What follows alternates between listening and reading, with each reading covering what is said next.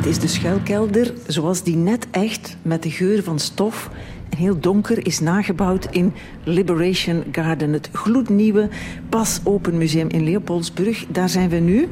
Niet in die schuilkelder, stel je voor, een uur lang radio in dit lawaai. Maar ik zit dus wel in het museum, want dat is prachtig gedaan. Het gaat over de Tweede Wereldoorlog met heel veel dingen te vernemen. Dat was een inslag. Ook heel veel dingen te beleven. En het is in Leopoldsburg, in de Oosthoek van Vlaanderen, in Limburg. Dit is de plaats van actie van mijn jeugd. Ik heb hier school gelopen bij de nonnen naast het spoor. Ik ging hier uit. Ik had hier mijn vriendinnen en mijn eerste lief. En weet u wat gek is? Dat ik niks wist van de grote rol die Leopoldsburg heeft gespeeld in de oorlog. Op het eind van de oorlog, toen de bevrijding begonnen was. Daar heb ik dit museum voor moeten bezoeken en de curator moeten voor uithoren. Peter Schrijvers, een goedemiddag. Goedemiddag, Annemie. Wil jij die bombardementen stilleggen, meneer Schrijvers? Ik doe mijn best. Je bent de baas hier. Oef, ah, tegenwoordig is het een druk op de knop. Toen was het wat anders. Toen, dat is 1944, het einde van de oorlog, het begin van het einde. Daar gaat dit museum over.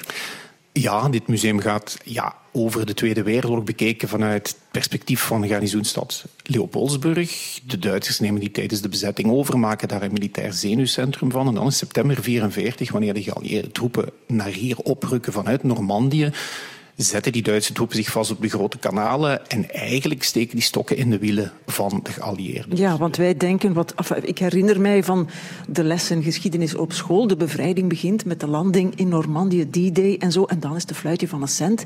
Niet waar. En dat heeft te maken met Leopoldsburg en de Duitsers die hier zitten. Ja, klopt. Uh, dat is dus misschien te weinig bekend, maar dat gaat ons museum veranderingen brengen natuurlijk. Dat is grote Europese oorlogsgeschiedenis. Hè. Iedereen in Europa zit te wachten op die bevrijding. Tegen begin september 44 denkt ook iedereen dat het al wel tegen kerstmis zal afgelopen zijn. Maar het is hier in deze streek dat het bevrijdingsoffensief vastloopt en alles terug aan een zijdendraadje komt. En daar gaat dit museum over en daar gaan ook deze voorproevers over.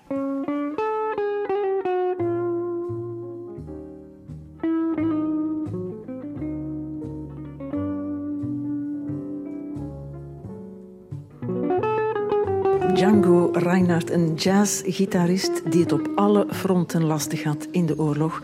Want jazz was niet het favoriete genre van de nazi's. En Reinhardt was van Roma-afkomst en veel Roma belanden in de concentratiekampen. Reinhardt is daaraan ontsnapt. Dit nummer Nuage is van 1940 en was in bezet Parijs een nummer dat de hoop op bevrijding in zich droeg. En Wereldoorlog 2-kenner Peter Schrijvers is ook muziekkenner, Peter? Ja, muziekkenner is misschien een groot woord, Annemie, maar ja, zeker in de context van de Tweede Wereldoorlog is Django ja, een symbool. Hè? Niet alleen als grote jazzgitarist in een muziekgenre dat na ja, die bevrijding ja, heel geallieerd overkomt, Brits-Amerikaans vooral is. Maar hij komt optreden in Leopoldsburg vlak na de bevrijding, vooral die talrijke geallieerde troepen die hier aanwezig zijn. Dus daar, daar is laaiend enthousiasme over. Maar hij is natuurlijk ook een symbool als iemand die ja, die vervolging door de nazi's uh, overleefd heeft. Hè. Dus, dus hij vat eigenlijk alles een beetje samen naar ja, die, die, die opluchting op het einde van die Tweede Wereldoorlog.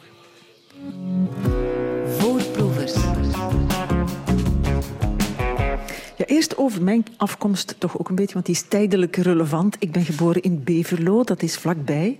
En vanaf mijn twaalfde ging ik naar de middelbare school in het kamp. Zo noemden wij de stad Leopoldsburg, militaire kamp. Dat hier dus een paar jaar na de onafhankelijkheid van België is opgericht, noemden wij het kamp van Beverlo.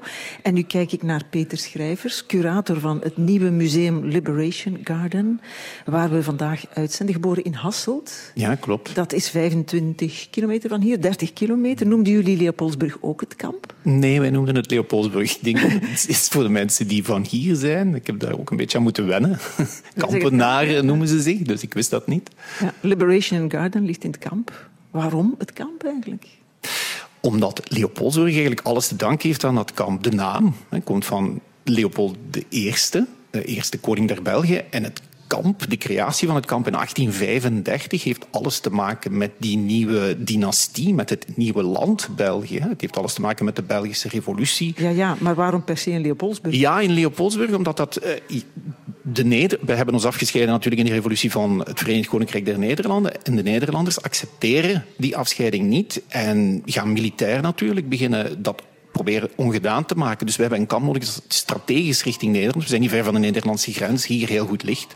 Ook ligt in een gebied, eh, we spelen uiteindelijk Nederlands-Limburg later kwijt, dat eh, het meest betwiste gebied is. Vandaar dat het kamp hier gecreëerd wordt eh, om België eigenlijk overeind te houden tegen de Nederlanden. Ja, en je weet dat allemaal, want je bent professor en historicus. Je bent auteur van zes boeken over de Tweede Wereldoorlog. Je hebt ook lesgegeven aan universiteiten in Amerika en Zwitserland en Australië. Australië was jouw laatste woonplaats, hè, voor je terug naar Hasselt kwam. De legende zegt dat je teruggekomen bent speciaal om dit museum te maken. Is dat waar?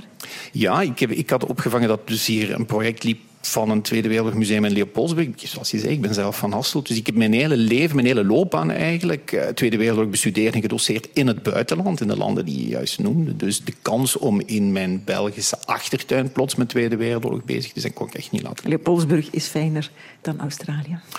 Dat heb ik niet gezegd. Het heeft zeker ook zijn kwaliteit. Ja, oké. Cruciale fase in de oorlog. Daar moeten we naartoe, omdat die zich hier afspeelt. Hier rond Leopoldsburg en uh, in dit museum ook. Hè.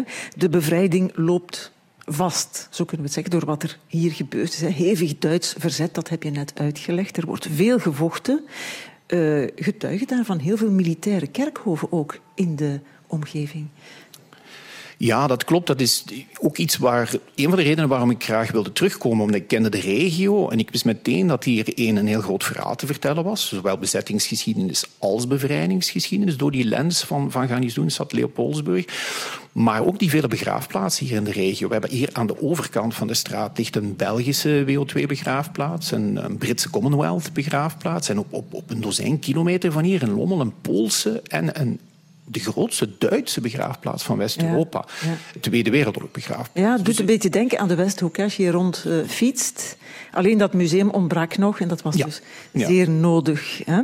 Als je hier een put graaft in de tuin in Leopolds, vind je dan helmen en geweren? Of is de kans groot dat je dat vindt? De kans is heel groot. En we bewijzen dat ook bij het binnenkomen van het museum. Het eerste object dat we laten zien is een veldfles die gevonden werd tijdens de bouw van de nieuwe vleugel. Die we aan een paviljoen uit de jaren 1860 hebben um, vastgemaakt, zeg maar. En, en dat bleek dan een Duitse, Duitse te zijn, niet een Belgische, en een uit de Eerste Wereldoorlog. Ja, dus, maar je bent nu verkeerlijk de indruk aan het wekken dat het een museum is van 12 helmen en 13 bajonetten. Dat is vooral niet, hè? Dat is het zeker niet. Het object dat ik juist vermeld is, is een van ja, de objecten die we heel zorgvuldig geselecteerd hebben. Dus we zijn heel selectief met onze objecten. Ze zijn allemaal gekozen in functie van sterke verhalen. Verhalen van zeggen wij graag gewone mensen in buitengewone omstandigheden. Ja, het is een museum van mensen. Het is een museum van mensen. Dat is de eh, ruggengraat van het museum. Ja, en jullie volgen acht figuren met allemaal een verschillend profiel, die allemaal een rol hebben gespeeld in dat jaar 1944. Onder andere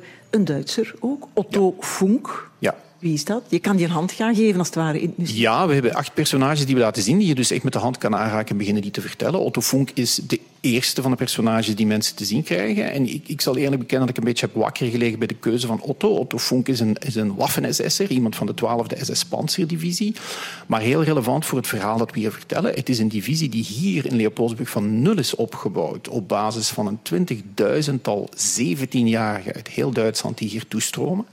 Het is een divisie die in Normandië, maar ook tijdens het Ardennen-offensief een zeer grote rol heeft gespeeld. Maar we laten Otto Funk ook aan de bezoeker zien met de, de waarschuwing van ja, dit is eigenlijk een cautionary tale. Dit is wat een totalitair regime uiteindelijk doet met haar eigen kinderen. Het vreet haar eigen kinderen op. Ja, er is ook een Amerikaan, Charles Lloyd Smith. Ja. Kun je ook een hand gaan geven? Ja, klopt. Wat doet die hier in 1944? Ja, dat is een heel interessant verhaal natuurlijk. Charles stort met zijn, dat is een Amerikaan, uh, met zijn bommenwerper neer in 1943 boven België. Het Belgisch verzet gaat hem dan uiteindelijk via een pilotenlijn uh, onderdak geven. Hij komt terecht in Schaarbeek. Maar daar worden blijkbaar de familie die hem daaronder dak geeft, wordt verraden. Charles, zowel de vrouwen als de mannen in die familie die hem steun hebben gegeven, worden uitgehaald, gedeporteerd. De mannen, want er was tijdens de Tweede Wereldoorlog in Leopoldsburg in dat militair kamp dat de Duitsers hadden overgenomen ook een gevangenenkamp. Dus politieke tegenstanders, verzetsmensen. Wel, het was een mannenkamp. Wij hadden hier allemaal opgesloten. Charles komt hier dus ook terecht, want hij is een burger. Hij wordt niet behandeld als een Amerikaanse krijgsgevangene. En ook de mannen die in het netwerk zaten dat hem hielp, komen hier in Leopoldsburg in dat uh, gevangenenkamp. In een barak hè, die jullie hebben nagebouwd. Ja. Met stro, Ja, ze mochten niet op bed gaan zitten overdag, dat heb ik ook geleerd in het museum. Ja, het was een heel streng regime. Kijk, eh, het, het kamp hier in Leopoldsburg, het gevangenenkamp, dat was niet, het was niet Dachau, het was niet Boegenwald, maar het was wel de wachtkamer van de hel. Heel veel van de mensen die hier opgesloten zaten, tijdelijk, werden uiteindelijk doorgesluist naar die kampen. En vele zijn niet meer teruggekeerd. Die figuren hebben allemaal echt bestaan trouwens. Hè? Die, Alle figuren, ja. De namen, de historische feiten daar rond kloppen volledig. Ja, en dan zijn er gefilmde getuigenissen van mensen die het hebben meegemaakt. Iedereen, ook burgers, hebben of heeft een oorlogsverhaal. Um, een museum van mensen zoals die in heel Vlaanderen de oorlog hebben meegemaakt, zich verzet hebben tegen de oorlog, ook letterlijk mm -hmm. in het verzet gingen. Ik ga er eentje laten horen, die je in het museum ook kunt horen, ja. in langere versie van René. Mm -hmm. Plaats haar eens even, wie is ze? Uh, René is een, een, jonge vrouw, vooraan in de twintig uit Balen. En die um, zit in een verzetcel samen met haar vader, Clément Dardenne.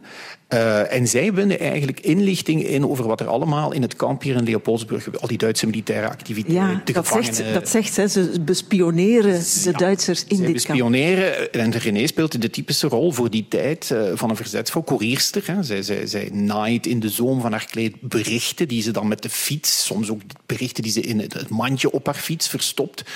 En speelt dan een beetje het lachende, onschuldige meisje dat op die manier voorbij de schildwachten geraakt. Ja. Maar ze speelt natuurlijk wel een heel levensgevaarlijk Ja, het is voor in een film. Hè. De fietslamp van René is ook te zien in het museum. Ze hebben ook wapens, dat vertelt ze ook hè, in die videoboodschap of opname. Maar op een dag worden ze verraden door haar eigen neef, dat zegt ze ook. En vallen de Duitsers hun huis binnen en nu gaat zij verder. Ze vliegen met vier SS'ers binnen. SS'ers, hè? Geen gewoon Duitsers, hè. Rotzakken, hè. Ons doen en laten, hè. Die wisten er niks van. En die wapens, die had ik wegsteken. Dat was vroeger de huizen weer gemaakt met plancheerplanken. En dan stak ik die rollers zo ver van elkaar in de watten, hè. En ja, daar stonden die, ja, tokken, tokken, tok. Maar dat rammelde niet, hè. René was slimmer dan zelfs, hè. Ik denk, nee, zoek maar. Maar ze kwamen beneden. Ja. Pas stond door. Ja, zei. Maar zei, jij hebt wapens, zei. Want hebt twee kogeltjes gehad. En waar kogeltjes zitten, zitten wapens. Die wouden dat eruit kloppen. Maar dat ging niet. En papa dacht verder. Die dacht, ik zal maar ophouden. En ze moeten niet meer iets vragen, want dan moeten ze mij maar doodslagen hier in de camion. En toen zei hij zo tegen de SS'ers. Hij stak zijn handen omhoog. Vive la France, vive la Belgique. Toen kreeg hij motten. Ja, toen dacht ik dat we pannen meer hadden. En dan ze in die camion gegooid en de behaald. Dat is René op latere leeftijd. Ja. Campus Limburgs, taal apart. Ik versta die. Jij als Hasselaar, ik weet het niet. Lukt wel. Moeten we het vertalen voor de rest van Vlaanderen? Ja, dat kunnen we. Ze vertelt gewoon over hoe de Duitsers uiteindelijk hè, na het verraad door, door een neef binnenvallen, uh, naar wapens op zoek gaan. René zegt, ja, ik had die verstopt. Uh, ik had die eigenlijk onder een plankenvloer in, in, in watten gewikkeld, zodat die niet gingen rammelen. Maar ja, ze zeggen, we hebben kogels gevonden. Waar kogels zijn, zijn wapens. En dan sleept ze haar vader naar buiten en voor de ogen van haar en haar moeder uh, ja, ranselen ze die heel, heel erg af voor haar ogen. En uiteindelijk gooien ze hem op, uh, ja, in een vrachtwagen en, en, ze voeren hem af, ze deporteren hem. Ze is 100 geworden, ja. René. In 2020, toen ja. hebben uh, jullie met uh, haar die getuigenis opgenomen. Mm -hmm. Ze heeft de opening van het museum net niet meer kunnen meemaken. Wat jammer. Heel erg jammer, want het is ook heel emotioneel om haar nu te horen. Voor ons is zij echt het symbool, het uithangbord van het museum. Een, een, moedige vrouw, als jonge vrouw al, en de rest van haar leven gebleven. Want ze heeft eigenlijk constant dat trauma van het verlies van haar vader. Want ze heeft haar vader is nooit meer teruggekeerd van die deportatie, moeten verwerken. Um, ze heeft ook heel veel moed moeten betonen om dat interview met ons te doen, want dat was teruggaan naar die tijd en dat was niet gemakkelijk, maar ze was vastberaden om voor het museum die, die inspanning te leveren. Ja, er zijn andere getuigen die jullie ook hebben geïnterviewd. Sommige van hen leven wel nog. Eentje heet Rick Wouters, 94 jaar. Goedendag. Jij bent geboren in Heppen, dat is hier vlakbij, ja. 1929. Het is zo, ja. Jij was elf jaar in 1940, ja. toen de Duitsers binnenvielen. Weet jij dat nog? Ja, mijn vader die was beroepsmilitair. Hij was van dienst in Leopoldsburg. Een soort bewakingsdienst bij het militaire gevangenis, het Malakoff. Hij wist dat de oorlog begonnen was. En hij vroeg aan zijn collega, uh, wilt je me een half uurtje aflossen? Dan kan ik mijn gezin verwittigen dat de oorlog komt en dat ik lang zal afwezig zijn. Mijn vader die vertrekt terug naar zijn dienst in Leopoldsburg in het kamp. En toen hoorden wij, en dat was mijn, mijn zuster en nog twee broers die jonger waren dan ik, hoorden een geweldig huilend geluid boven Leopoldsburg. En wij, wij aapten dat geluid na, want dat, dat was iets nieuws. Maar toen begonnen de ontploffingen en dat was wat anders. Het waren dus Duitse Stuka's die in duikvlucht hun bommen losten. En die maakten zo'n soort geluid als van sirenes. Dus het was gauw gedaan met dat na te apen. Want die ontploffingen begonnen en die kwamen dichter en dichterbij. En de laatste bom die is, die is gevallen op 10 meter van onze tuin. Maar jouw vader, door even naar huis te gaan, is wel aan de dood ontsnapt. Ja. Uh, ik zal u zeggen, ook na die laatste bom zijn wij wenend onder tafel gekropen in de keuken. Ja. Maar dat... mijn vader die komt dus, rijdt dus terug naar zijn werk in Leopoldburg. En hij komt een Malakoff aan en er zijn drie doden. En een van die doden is de man die hem vervangen heeft. Aan de dood ontsnapt is dat hè, op het nippertje. Ik zal dat geluid van die bombardementen niet weer aanzetten. Ik kan dat hier met een drukje op de knop, maar ah, ja. dat brengt bij jou misschien te veel herinneringen naar boven. Nee, toch niet, want voor ons was dat iets nieuws. Hè? En ik begreep eigenlijk nog niet goed wat er aan de hand was. Hè? Ja. Ze hebben met hun bombardementen, hè, dat was mei 1940, hè, toen de Duitsers binnenvielen, dat Ja. kamp van Beverlo wel gespaard. Hè, want dat wilden ze innemen, dat wilden ze bezetten. Dat hebben ze niet kapot Ja. gemaakt.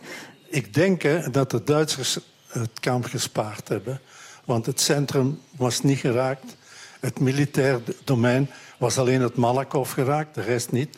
Dus ik denk dat de Duitsers wisten dat ze dat kamp nodig hadden Ah, ja. binnen een paar dagen. Hè? Want het effect van, van het bombardement, wat was dat? Malakoff getroffen. Spoorlijn tussen Hasselt en Leopoldburg was geraakt. En een tiental koeien werden gedood. Dat was eigenlijk het effect van heel dat bombardement. Ja, maar ze hadden wel de streek bezet intussen. Hè? En het kamp ook. Hè? Dat Ja, was een beetje van hem. wel. Wat denkt een kind van 11, 12 jaar in Heppen, dat nooit Heppen is buiten geweest, als dat Duitsers ziet opduiken plots in zijn dorp? Is dat dan Oh. bang of geïnteresseerd? Oh, wij waren, het was een fantastische tijd. Die Duitsers, dat waren helemaal andere soldaten dan, dan de Belgische, moet ik zeggen. Hè. Wij zagen altijd Belgische soldaten passeren met een lange kapotjas aan en zo. En komt plots, de Duitsers die bezetten de scholen. Dat was tof voor ons, hè. Dus wij hadden geen school. Ja, Ah, er was geen les, omdat ja, ja, na een tijdje werd dan wel lesgegeven in huizen, hè. Ja. Maar die Duitsers lieten thuis dus door de straten in bloot bovenlijf al zingend, hè, in, in orde. En wij, snottapen van 10, 11, 12, wij marcheerden mee hè, en we zongen mee. Hè. Want ik ken, ik ken nog altijd de liedjes daarvan. Hè. Kun je er een zingen? Ja, er was er eentje, dat was van die schöne meisjes die kussen zich auf ihre mond. Hè. En dan weer varen, gegen, weer varen gegen Engeland, dat was ook nog bij. Dat waren een soort van helden voor jullie. geen helden, maar dat was iets heel anders. Hè? Want die, die Duitse veldwebel die zag enige recrutering in dat spel. Hè? Ja. Omdat wij marcheerden mee, we zongen mee, armen zwaaien, al wat je wilt. Totdat we onze pastoor tegenkwamen van Wormelingen. Dat was een imposant figuur. En dan haakten we af, want we wisten dat we fout waren. Ja, een soort van eerste collaborateur zou je kunnen zeggen. Ja, eigenlijk wel, ja. Ik durfde het bijna niet zeggen, maar het is ook bij wijze van grap. Mijn vader, hè, Charles Peter, Ja, ook in Heppen geboren, twee jaar later dan jij, 1931. Deed hij ook mee? ik denk het niet. Nee, dat was zo een, beetje meer afstand van waar wij woonden. Het Wit Kasteeltje, hè. Dat was bezet en het was meer plaatselijk zo. Van die straat bij ons, daar woonden nogal vele kleine gasten. En waar uw grootvader of zo woonde, dat was voor ons wel vreemd land, zal ik zeggen. Ja, het was onze pa, hè? niet Ja. eens onze grootvader. Op het eind van de oorlog, Peter Schrijvers, hè, hebben de geallieerden dit kamp opnieuw onder vuur genomen, opnieuw gebombardeerd. Wel om het kamp kapot te krijgen, hè? wel om die Duitsers weg te krijgen. Ze moesten toch ehm, goed opletten, want jij zei het al, hier zaten ook gevangen genomen geallieerden Ja. en verzetsmensen. Ja, dat klopt. Maar ja, ze moesten goed opletten. Maar de bombardementen wijzen uit. Mei 44 wordt het kamp tot twee keer toe door de geallieerden gebombardeerd. Dat waren geen precisiebombardementen. Het was dus echt onmogelijk om die gevangenen in dat kamp te sparen. Die zijn per toeval gespaard gebleven. Maar we zien tijdens het eerste bombardement in, in, in mei 44 vallen die bommen van de geallieerden allemaal naast het kamp en op de burgerbevolking, de zogenaamde nevenschade. Dood meer dan 80 mensen, ook vrouwen en kinderen. Eh, en dan moeten die geallieerden een tweede keer terugkomen. De tweede keer eh, treffen ze wel doen. Hè. Vegen ze een groot deel Ja. van het kamp volledig weg. Maar daar zaten verzetsmensen binnen dan. Daar zaten verzetsmensen Ja. binnen. ja. Wat zaten die daar te doen eigenlijk? Te wachten op hun straf. Ja, die, die werden vaak naar daar gebracht in afwachting van het vonnis dat in Brussel ging uitgesproken worden. En eens dat vonnis was uitgesproken, ja, dan kwamen bewakers binnengestormd. Want dat was wat de gevangenen het meest vreesden. Hè? Dat moment waar op die deur werd eh, gebonst en Duitsers binnenkwamen en aan- aankondigden, ja, jij en jij mee, van, van op de, de namenlijst richting Brussel voor het verdikt. En dan werden mensen vandaar naar ja, kampen gestuurd waar ze ja, heel erge omstandigheden gingen moeten leven en uiteindelijk ook sterven vaak. Of ter plekke doodgeschoten kon toch ook? Ja, het is, Hier in Leopoldsburg. inderdaad. Het militair kamp eh, wordt door de Duitsers naast trainingskamp gebruikt als gevangenenkamp, maar ook als executieplaats. Er is een zogenaamd, wat in de volksmond dan bekend komt te staan als het geheim kerkhof. Maar hoe geheim het ook zo gezegd was, iedereen wist wel dat daar mensen werden geëxecuteerd. Dus meer dan 200 mensen uit heel België. Verzetsmensen zijn ofwel ter plekke geëxecuteerd, ofwel ergens anders in het land dan anoniem naar hier afgevoerd en eh, begraven. Ja. En bestaat dat nog, dat geheim kerkhof? Die site bestaat inderdaad nog. Eh, die, die kan nog bezocht worden met, met enige, enige beperkingen, omdat het nog altijd op militair terrein Ja, ja, dan moet je toelating Het is nog vragen altijd een symbool echt wel van, van ja, het offer dat het verzet in België gebracht Ja. Wie daar begraven ligt, is de grootvader van Koen Wouters. Ook te gast hier, meneer Wouters. Goedemorgen. Je bent geen familie van Rick Wouters, hè, die net aan het woord was. Nee, helemaal niet. Ja, er zijn nu een keer veel Woutersen in de wereld. Je bent ook niet onze VRT-collega Koen Wouters. Ook niet. En ook niet de zanger. Helemaal niet. Anders moest jij zingen. Maar ik ben wel de enige echte. De kleinzoon van Jozef Wouters. Inderdaad, ja. De verzetsman. Absoluut. Ehm, hoewel dat we dat ook niet moeten overdrijven. Mijn grootvader werkte destijds in, in de Cublo, in de, in de zinkfabriek van Balen. Was daar ploegbaas en werd gerecruiteerd door eh, Jean Vlegels, die eigenlijk hoofd van de cel eh, was van het verzet van de Belgische Nationale Brigade. Eh, samen met zijn zoon en mijn grootvader maakte hij dus eigenlijk zo'n eh, speerpunt. Maar je zegt nu in Balen, dan heeft hij zeker René ook gekend. Die hier het museum ook, hè, waar we net over verteld hebben. Ik weet niet of hij René zelf gekend heeft, maar ik, in, in zijn verhalen... Dus mijn, ik heb natuurlijk al die verhalen uit de overlevering van, van mijn eigen vader gekregen. Ehm, en in die overlevering komt eh, meneer Dardenne, de beenhouwer, de Waalse beenhouwer, komt regelmatig ter sprake, inderdaad. De vader eh, van René werd eh, opgepakt, was verraden door een neef. Is jouw grootvader ook verraden? Ja, inderdaad, dat moet een lek geweest zijn. Mijn grootvader, zijn, zijn verzetsactiviteiten beperkten zich oorspronkelijk tot sabotage in de fabriek. Ze deden dan zand in de olie van de machines en zo verder, om op die manier het productieproces te vertragen. Uh, maar uiteindelijk was er ook sprake van het opzoeken van dynamiet, uh, het opzoeken van neergestorte vliegtuigen, om daar materiaal dat kon gebruikt worden voor de weerstand uh, te recupereren. En op een bepaald ogenblik zijn zij aangezocht geworden door een verzetcel in Zonhoven, die het plan opgevat had om de ransoneringsbonnen in het gemeentehuis uh, te gaan stelen. Die ransoneringsbonnen waren echt wel nodig om de ondergedoken mensen, joden, verzetstrijders, uh, neergestorte piloten en zo verder, om die mensen eten te kunnen geven. En die overval die gebeurde eigenlijk wel een beetje met medeweten van de ambtenaren die bijvoorbeeld de venster van het gemeentehuis lieten openstaan, zodanig dat de, men, de verzetsmensen niet te veel moeite moesten doen om die zegels te stelen. Dat klinkt als spannend en als in een film, tot er een wordt opgepakt natuurlijk. Hè? Inderdaad. Dus, uh, het is jouw grootvader overkomen. Mijn grootvader werd uh, in augustus 1943 uh, werd hij opgepakt. Maar hoe hebben ze hem gevonden? Dat is niet zo heel duidelijk. Uh, er is sprake van een soort van undercover-operatie waarbij een, bij de overdracht van een pistool dat pistool in handen zou gekomen zijn uh, van iemand die voor de Duitsers zou gewerkt hebben. Anderzijds is er ook sprake van een overijverige politieman die niet heeft toegelaten dat de inbraken in het gemeentehuis van Zonhoven onopgehelderd bleven. De politieman zou collaborateur geweest zijn en zou op die manier een tweede overval in gang getrokken hebben. Uh, met de bedoeling van die cel dus uit te schakelen. Ja, jouw vader was een klein manneke dan, hè, was, stond dan, heeft dat mijn, meegemaakt? Mijn eigen vader was 14 jaar op het ogenblik, dus dat hij aangezocht werd. Uh, zijn moeder lag na een miskraam ziek te bed. En mijn grootvader, die ik overigens nooit gekend heb uiteraard, uh, die was in het veld smout aan het maken. Dus werd, uh, had een soort van koolzaadpers ontwikkeld, die man. Die was vrij handig. En maakte daarmee smout, eigenlijk een surrogaat voor boter. en de Sicherheidsdienst, dus de Gestapo's, komen toe in een typische Citroën. En zeggen aan mijn vader van manneke, gaat uw papa eens halen. En mijn vader gaat het veld in en zegt, er zijn meneren die naar u vragen. En op dat ogenblik is Jozef Wouters, mijn grootvader, dus eigenlijk onbewust uh, toch naar, naar, naar huis gekomen.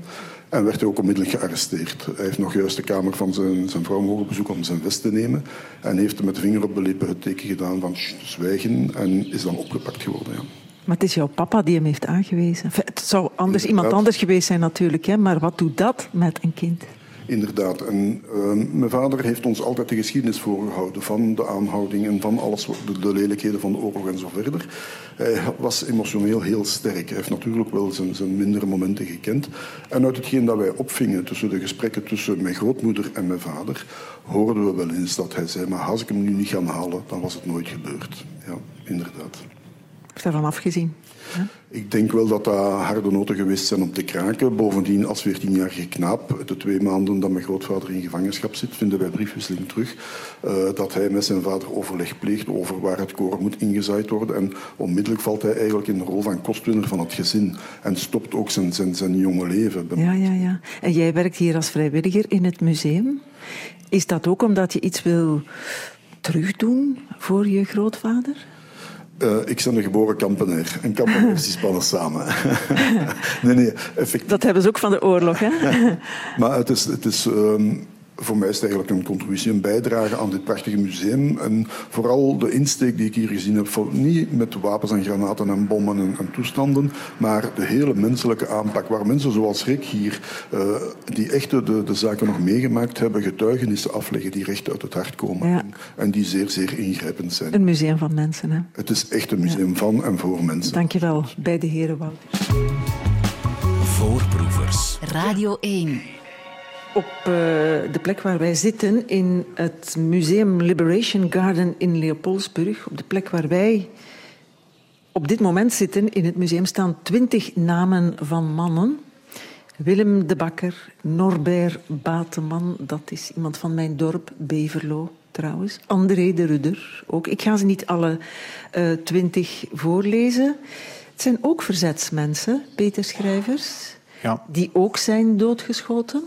Klopt. En het verhaal is zo mogelijk nog gruwelijker dan wat we al hoorden. Ja, gruwelijk en eigenlijk ook heel tragisch natuurlijk. Je noemt mensen die uit de streek komen, maar onder de twintig namen zitten mensen vanuit heel België. Het zijn namelijk allemaal ex-gevangenen die hier dus in het Duitse kamp zaten als tegenstanders van het regime die dat kamp dan overleven, die begin september 44, wanneer de geallieerden naar hier komen, worden vrijgelaten door die vluchtende Duitse troepen. Die denken, ja, eindelijk, die vrijheid, na al die jaren, worden hier door de plaatselijke bevolking opgevangen. Maar dan, ja, een beetje in die grijze zone van de Duitse macht valt weg. De geallieerden zijn nog niet hier, uh, hebben hun macht nog niet gevestigd. Krijg je zo'n vacuüm, machtsvacuüm. En we zien Vlaamse SS'ers die aan het terugtrekken zijn. Vlaamse SS'ers die zeggen, ja, die geïrriteerd zijn door die hier vrij rondlopende gevangenen en grijpen een aantal mensen gewoon bij de kraag, brengen ze naar een gracht en maaien ze zonder vragen te stellen neer. En dus die twintig mensen die hier op de wand staan vermeld met hun naam, uh, dat zijn dus de slachtoffers van ja, ja. Dat zijn dus mensen die, die vrijlatingsbewijzen op zak hadden. Hè. Dus de gemeente, het Rode Kruis, heeft dan die vrij, dus die, die liggen in die gracht, bebloed. De mensen zijn er daarna uitgehaald, die, die, die, die, die zijn afgetast geworden, hun spullen afgenomen. En daar zullen die vrijlatingsbewijzen hebben bijgezeten. En het heeft niet mogen zijn. Nee, er is zo'n bewijs te zien hè, hier in het museum, Ja, ook ja. van Pierre Moulinasse. Ja. Moulinasse Pierre staat er Ja, opgeschreven. klopt. Eh, hij staat niet tussen de doden, dus hij is eraan ontsnapt. Ja, hij is bij die gelukkige geweest. Hè. Want er hingen hier eh, begin september 44, wanneer die Vlaamse SS'ers dus eh, een veertigtal mensen vastgrijpen, waarvan ze er uiteindelijk een twintigtal executeren, honderden vrijgelaten. Dus Pierre Moulinas, waarvan we de vrijlatingsbewijzen laten zien, heeft geluk gehad en is dan die, die tweede dans eigenlijk die het voor hen al was ontsprongen. Ja, hier achter mij op het raam staat een getuigenis van iemand die eh, zich voor dood gehouden heeft. Hè, die is dat is de neergeschoten. getuigenis van een, een John de Bilde. Die stond dus tussen die opgestelde gevangenen aan de gracht. En wanneer hij dus hoort het commando geven van, van hè, vuur, laat hij zich onmiddellijk vallen. Eh, en het zijn dus dode kameraden eh, die, die bovenop hem vallen. Die Zelfs wanneer de, de, de Vlaamse SS'ers tussen de slachtoffers gaan wandelen om te zien wie nog leeft en, en een nek- of hoofdschot uitdelen, want zo is het in zijn wijk gegaan, eh, heeft hij het geluk dat hij diep onder die doden ligt. En hij, dus hij, het wordt niet opgemerkt dat hij nog in leven is. En zo hebben we die getuigenis hier nog groot op eh, ja, de glazen uitkijk in deze ruimte Ja. geplaatst. Een paar dagen later is Leopoldsburg bevrijd. Hoe cru kan het zijn? Hè? Ja. En dan is de oorlog nog niet gedaan, hè? want heel West-Europa moet bevrijd natuurlijk. En dan wordt er een groot geheim plan uit de doeken gedaan. Ook hier in Leopoldsburg, want hier zit het leger samen. Je kan de briefing in het museum volgen. Eh, jullie hebben Cinema Splendid nagebouwd Ja, dat is een, een cinema die dus in, in Leopoldsburg lag. In, in tegenover het station. Klopt, Ik weet dat. klopt. Eh, een cinema die bekend is geworden door, door een grote Hollywoodfilm, A Bridge Too Far. Het boek van Cornelius Ryan spreekt er ook over. Maar de cinema is afgebroken. Dus wat wij in het museum doen, is die heropbouwen. Eh, en in 3D eigenlijk de briefing door de, de bekende Britse generaal Horks, die het grondoffensief van Operation Market Garden van hieruit richting Nederland en Arnhem gaat lanceren, dus opnieuw weergeeft. Zodat het ook voor jongeren natuurlijk op, op een interessante manier eigenlijk die geschiedenis wordt over. Je voelt de spanning, hè, terwijl je, je kan in de cinemazaal gaan zitten en dan de briefing volgen Ja. in het Engels. Ja, en je krijgt meteen al mee van Horrocks in die briefing met je 3D-brilletje op dat dat een heel gewaagde operatie is die een heel grote kans zou kunnen hebben te mislukken. Dat gebeurt uiteindelijk. Het is ook. En mislukt, dat vertellen we ook in het museum. Ja, niet alles kan lukken. Hè? Nee, maar dat heeft natuurlijk enorme consequenties, want het betekent dat waar die operatie in die ze zou geslaagd zijn, de oorlog heel snel had kunnen beëindigen, gaat die nu nog maandenlang duren, tot mei 45. Hm, En dan gaan ze nog in Kleine Brogel het vliegveld bouwen. De Britten ook, hè, 44. Ja. Britse ingenieurs, ik heb dat geweten. Heel mijn jeugd hebben de straaljagers boven mijn hoofd geoefend. Ja. Nu doen ze dat nog, maar ik woon hier niet meer. Ehm, er zijn ook rechtstreekse getuigen van die Britten die hier maanden hebben Ja, die dat gelogeerd. hè, die dus moesten bouwen, hè, dat ja. bouwen. Een Urbain Schrijvers vertelt in een videoopname in het museum. Ik ga hem laten horen. Ja, in Kleine Brogel is dan de, de luchtmachtbasis opgebouwd. De soldaten die dat vliegveld aan het bouwen waren, aan het installeren waren, die zullen in de wijde omgeving misschien ondergebracht zijn, maar in Peer verbleven er zeer veel, waarvan twee sergeanten bij mijn ouders. We hadden een bakkerij op de Kerkstraat, nummer 12. En we woonden daar met vijf kinderen, dus bij mijn ouders. Ik was de oudste. Mijn grootouders woonden ook bij ons. Als ik daarop terugkijk, dat, was, dat waren leden van het gezin. Vooral een van de twee, Stan, dat was zo, zelfs jaren na datum, als we die terugzagen, was dat alsof we een oom terugzagen. Mijn grote latere vraag was: hoe hebben mijn ouders kunnen communiceren met die Britse soldaten? Ik heb het een open vraag gelaten, maar het antwoord is in het museum ook te zien. Hè? Een klein, onnozel woordenboekje. Ja. Nederlands, Engels, Engels, Nederlands. Mijn ma had dat in, in het Frans. Zo hebben ze gecommuniceerd. Urbain is jouw vader trouwens. Hè? Ja, Urbain is inderdaad mijn vader. Dus die was een kind dus in, in de bakkerij, een peer, dichtbij Kleine Brogel. En die, die, ja, die luchtmachtbasis wordt daar opgebouwd door honderden Britse engineers. Daar komen dan ook nog Canadese Spitfire-piloten zich vestigen. En die verblijven graag in die bakkerij. Daar is voedsel, het is daar warm in die heel strenge winter in België in die periode. En ja, mijn grootouders kenden Nederlands, kennen goed Frans, maar geen woord Engels. En je ziet het, het woordenboek in het museum. Het, is, het, is, het hangt volledig uit elkaar. Het is veel gebruikt. Ja. Gedurende die vele maanden dat eigenlijk met die ja, vreemde cultuur uh, moest worden samengeleefd. Met, met resultaten die in de familie ook lang zijn blijven voortduren. Hè. Die, veel van die mensen die daar verbleven zijn uh, vrienden van het gezin gebleven. Uh, gedurende vele decennia. Ja, zoals jouw vader zegt, als een oom was hij in ons gezin ook. Hè? Ja, en dat is echt wel de impact van die bevrijding. Hè. Ik denk de bevrijders die dan uiteindelijk na alles wat de mensen hebben meegemaakt in september 44 en die maanden daarna die hier uh, rondhangen, die maken toch wel een, een, heel sterke indruk. Ook omdat ze een volledig nieuwe wereld met zich meebrengen. Een wereld vol van ja, vrijheid opnieuw. Hè. Ja, en vol sigaretten en kauwgom en chocola. Ja, ja en, en, veel meer dan dat. Een aantal waarden ook, ook natuurlijk die we jarenlang waren kwijt geweest. Ja. Hè. Dus, uh... Ik moet nog iets vertellen over die Spitfires. Want vanop Kleine Brogel is het dat uh, maart 45. Ik denk dat ik de timing nu goed heb. Ja? Uh, 200 Canadezen vertrekken in Spitfires. Klopt. Om de Rijn over te steken. En dan slaagt de operatie wel. Hè? Dan, ja, die, dan... die Rijnoversteek is een succes. En wat wij in het museum doen, is dat eigenlijk heel indringend meegeven door mensen een virtual reality bril op hun hoofd te zetten. En zij worden zo'n Canadese Spitfire-piloot. Ze steken Ja. op een kleine brogel. Ja. En ze vliegen richting de Rijn. En ze, maar ja, het is alsof je het echt meemaakt. Dat is echt heel cool, ja. Je, je vergeet nog één ding erbij te zeggen. Je moet in een stoel gaan zitten, waardoor die beweegt. Hè? En Ja. je kunt niet met je voeten op de grond. Nee, en dan betekent het wel echt dat je denkt dat dat aan het vliegen bent. Hè. Virtual reality is, is een heel vreemde ervaring, maar zeker de moeite waard. Ja, je bevrijdt mee. Europa Eigenlijk wel, je wordt een bevrijder. Je bent een medewerker aan de bevrijding. Wat een mooi museum. Ja, dank u. We hopen dat de, de mensen in Vlaanderen dat ook komen smaken Ja, natuurlijk. Liberation Garden in Leopoldsburg. Ehm, je kan een bezoek, eh, Peter eh, perfect koppelen aan een bezoek aan militaire kerkhoven. Ja, hè, die ja. altijd mooi onderhouden worden. Ja, Eh, of combineren met een fietstocht ja, in het groen. via het fietspad van het netwerk. Of ja, hoe, hoe noem je het? Netwerk van fietsknooppunten. Knooppunten, ja. Loopt hier pal langs. Ja, dat is herlegd trouwens, hè?